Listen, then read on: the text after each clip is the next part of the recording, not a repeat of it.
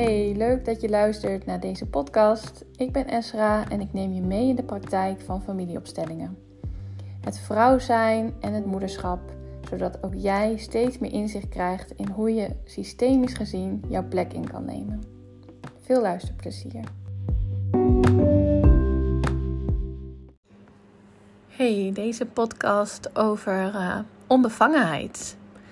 Ik had uh, vorige week twee mooie opstellingen precies over dit thema. Dat ik dacht, um, dat mag wel een podcast overkomen. Omdat we vaak de onbevangenheid kwijt zijn en we er zo naar kunnen verlangen. En in deze twee opstellingen ging het heel erg over dat in contact met het innerlijk kind deel, wat we dan ook opstellen, dat ze daarmee weer ja, die onbevangenheid eigenlijk kunnen aankijken. En dat zo missen en, en daar weer contact mee kunnen maken. Nou, even terug naar de betekenis van onbevangenheid.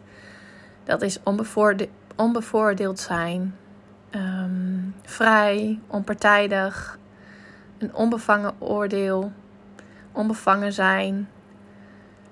Um, ja, zonder voor ingenomenheid eigenlijk, hè. Dus als klein kind weet, weet je eigenlijk niet beter die kleine kinderen oordelen niet. Die kaderen niet. Kinderen hebben niet zozeer die verwachtingen direct van de ander. Kinderen zien veel meer zo, zo hè, alles zoals het is. De energie stroomt veel vrijer door een kind heen. En, um, en zo in de loop van de jaren komen er al snel lagen overheen. Hè? Dat, um, zoals je kijkt naar je eigen opvoeders uh, die hebben jou geleerd wat hoort en wat hoort niet. Um, en daarbij komt, vaak onbewust, hun eigen onverwerkte thema's. Die krijg je gewoon mee. Gratis en voor niets. En dan moet ik een beetje om omdat dat, dat gaat gewoon vanzelf. En heel vaak zijn we daar niet bewust van. Daarbij, daarnaast, na de opvoeding, en, uh, ook tijdens de opvoeding trouwens, heeft onze omgeving nog steeds invloed. Maar vooral ook, hè, dus ook goed te beseffen, als je dus uit je ouderlijk huis gaat, dan heeft die omgeving dus ook nog steeds invloed. En komen er nog meer lagen overheen. Um, voorbeeldje in contact met leraren kan je heel erg. Uh, nou ja, die zie je soms ook als uh, grote leermeesters. En kan je heel erg van onder de indruk zijn. Bijvoorbeeld leraren zeggen: Je bent helemaal niet goed hierin of daar niet in. Maar ook vrienden. Um, in de liefde. Op je werk. Nou ja, met als gevolg eigenlijk, wat ik heel veel zie ook in de praktijk, vrouwen die zich gaan inhouden.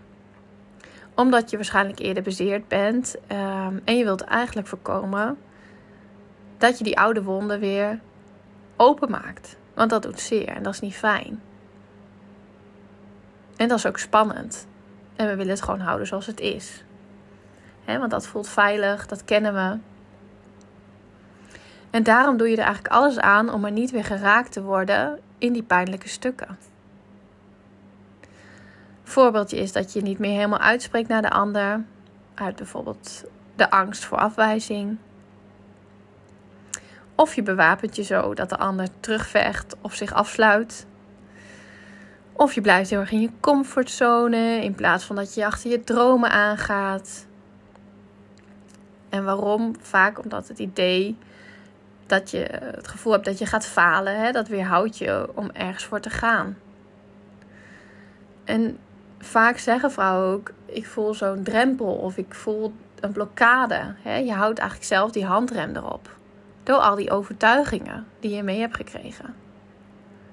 Gewoon door de opvoeding, maar ook hè, wat ik net zei, is um, die onbewuste, hè, onverwerkte thema's van je, eigen, van je ouders, die je ook gewoon erbij krijgt. Um, ja, je kijkt eigenlijk hè, met die onbewuste overtuigingen de wereld in. Je, je hebt zelftwijfels, je hebt angsten. En dat blokkeert je. Hè? Dat blokkeert jou voor een deel van je vrije levensgeluk. Van het vrij mogen voelen, van je emoties hè, je mogen verbinden met wat nu allemaal eigenlijk leeft in jou. En daar naar mogen bewegen.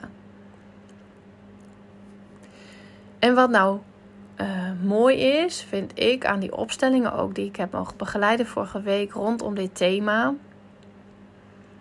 Je kunt die onbevangenheid weer welkom heten. Je kunt het weer welkom heten in jezelf en in het contact met anderen. Dat is dus eigenlijk weer contact maken met de puurheid achter al die maskers waar je achter bent gaan verschuilen. Dat je jezelf weer inbrengt in, in het leven. Zonder angst. Zonder angst om niet oké te zijn. Eigenlijk dat je mag voelen, ik mag zijn. Ik mag spelen. Ik mag plezier hebben. Ik mag onbevangen zijn. Um, echt zo van hè, niets hoeft verstopt te blijven. En je hoeft ook niet meer weg te duiken voor wat spannend is in jezelf of in verbinding met de ander. En nu zeg ik dit wel zo en klinkt het misschien heel makkelijk. Dat is het natuurlijk niet. Het is wel oefenen. Maar zodra je hè, in een opstelling weer contact maakt met dat deel wat er sowieso nog is bij iedereen. Iedereen kan er contact mee maken. Ik zeg niet dat het makkelijk is, maar je kan het aankijken. En je kan je weer mee gaan verbinden. Maar het vraagt wel van jou om, er open, om ervoor open te staan. Met een open hart en met een nieuwsgierige blik. Het vraagt ook voorbij, je, hè, voorbij gaan aan je. Um, hoe zou ik het zeggen? Het goed zeggen? Ja, het vraagt ook dat je je pijn aankijkt. Hè, van dat kind. En van alle andere delen die, hè, die, die overtuigingen die je met je meedraagt. Want dat doet pijn. En, en dat, of pijn, nou ja, dat is soms moeilijk. Dat bedoel ik met pijn. Voorbij gaan, hè. Um... Nee, voorbij gaan is niet het goede woord. Hoe moet ik het zeggen? Nou ja, wel je angsten aankijken en de projecties hè, die er gewoon zijn. Dat je bewust van mag zijn dat dat er is in contact met jezelf, maar ook vaak in contact met anderen kom je het tegen. En als je dat plek mag geven, ja, dat heb ik dus ook gezien afgelopen week. Dan denk ik, jongen, jongen, daar ligt zo'n rijkdom achter verscholen. Dat geeft jou zoveel levenskracht. En uh, ja, ik denk dat wil ik even meegeven. Als je nu benieuwd bent van hey, hoe gaat dat nou? Hoe werkt dat nou? Stuur me even een berichtje, want dan kan ik het nog wat meer uitleggen misschien. Van hey, ik, heb, eh, ik kan me voorstellen dat dit vragen oproept. Maar mijn vraag aan jou is, die, die gun ik je ook om eens even voor te gaan zitten. Hoe zou het voor jou zijn als je weer wat meer onbevangen mag zijn? Hoe zou het er dan voor jou uitzien? Wat zou je dan anders doen? Vandaag of morgen, wat zou je dan anders doen als je weer. Hè, kun je misschien nu al via die vraag een beetje contact maken met die onbevangenheid in jou? En wat roept dat dan op?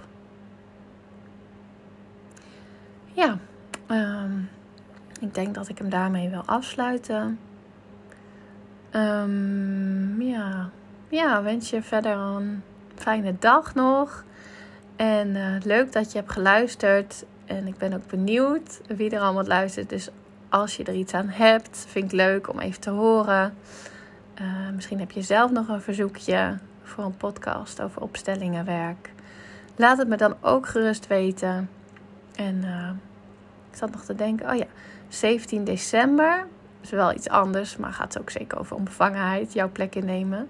Uh, is nog een één plekje voor de vrouwenlijn. Dus dat is het laatste plekje van dit jaar om op een, uh, nou, um, ja, voor een middag dat je, ook is, het voelt ook altijd wel vaak als dat iemand die het nog niet zo zeker weet voor opstellingen, dat je zo even kennis kan maken. Dus als je die voelt, laat het weten, dan uh, zie ik je misschien dan. Oké, doei doei!